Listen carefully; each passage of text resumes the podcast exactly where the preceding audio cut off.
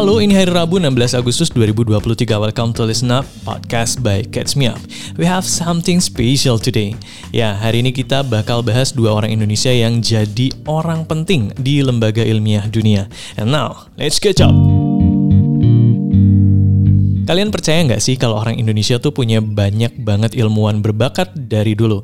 Ya, you name it lah ya. Nama-nama kayak B.J. Habibie, Khairul Anwar, sampai R.M. Sudiatmo itu diakui dunia lewat penemuan yang mereka ciptakan. Nah, kalian udah pada denger belum nih?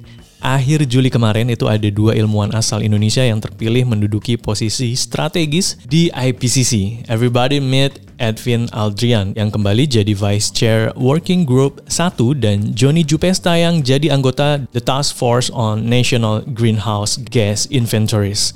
To give you more context, IPCC ini emang merupakan lembaga ilmiah skala internasional yang tugasnya meninjau dan menilai informasi ilmiah yang relevan untuk memahami perubahan iklim. Pak Edwin sendiri sebelumnya udah dipercaya anggota IPCC sejak 2015 lalu. Nah, sekarang beliau terpilih kembali setelah bersaing dengan ilmuwan dari Australia Australia, Selandia Baru, dan Malaysia. Nah, penunjukan kedudukan di IPCC ini sistemnya voting, guys.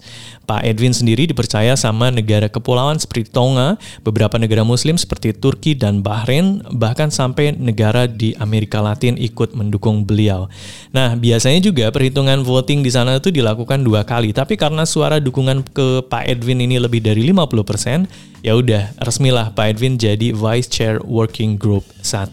Nah, Pak Edwin itu nggak sembarangan loh untuk mutusin maju lagi di posisi penting IPCC untuk beberapa tahun ke depan. Beliau ini komit ke sana karena punya visi dan misi untuk kembali melanjutkan penelitian yang sudah Pak Edwin kerjakan. Sebelumnya, beliau udah bikin uh, suatu proyeksi dan permodelan di Asia Tenggara yang bekerja sama dengan beberapa peneliti di Filipina, Malaysia, Thailand, dan Vietnam.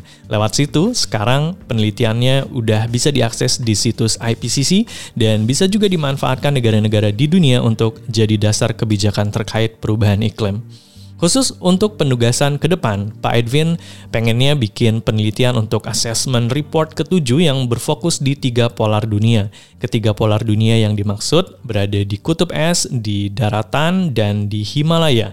Menurut Pak Edwin, apa yang terjadi di Himalaya itu erat kaitannya sama perubahan iklim. Beliau juga bilang apa yang terjadi di Himalaya dapat berdampak pada negara-negara di sekitarnya seperti Pakistan, India, Sri Lanka, Bangladesh, dan sebagian negara Asia Tenggara. Gitu guys. Gak cuma itu nih, Pak Edwin juga tertarik untuk melakukan penelitian di bidang urban climate yang berkaitan dengan pengaruh polusi udara pada kesehatan manusia.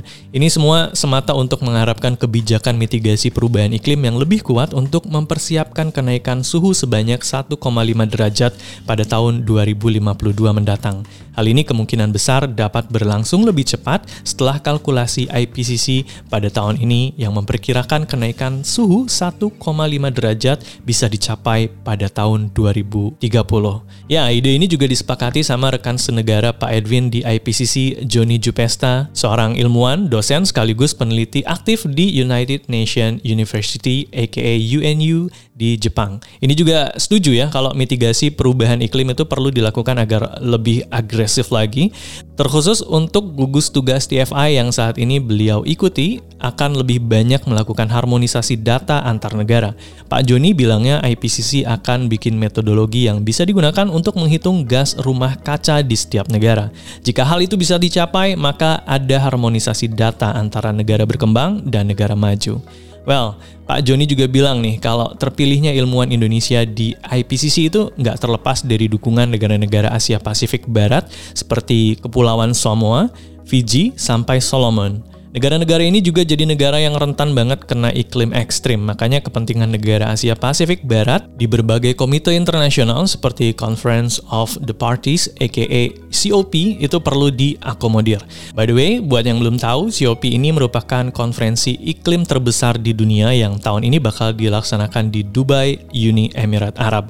Pak Juni berharap COP 28 tahun ini bisa melahirkan komitmen dari negara maju untuk melakukan pendanaan terhadap kerusakan dan kehancuran. Lebih lanjut, Pak Joni juga berharap COP tahun ini bisa lebih ambisius lagi, khususnya untuk Indonesia. Pak Joni kepingin nggak ada lagi kebakaran hutan di Indonesia pada Agustus sampai September ini. Beliau juga bilang, isu terkait pemanasan global semakin menguat sehingga kita harus sama-sama mengawal agar kebakaran hutan bisa dihindari. Indonesia harus bisa memainkan peranan penting untuk turut serta menangani krisis iklim. Gitu katanya guys. Jadi kita bisa apa? Yuk kita beraksi di keseharian kita lewat ikutan challenge di www.teamupforimpact.org.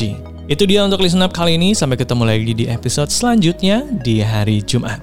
Bye now!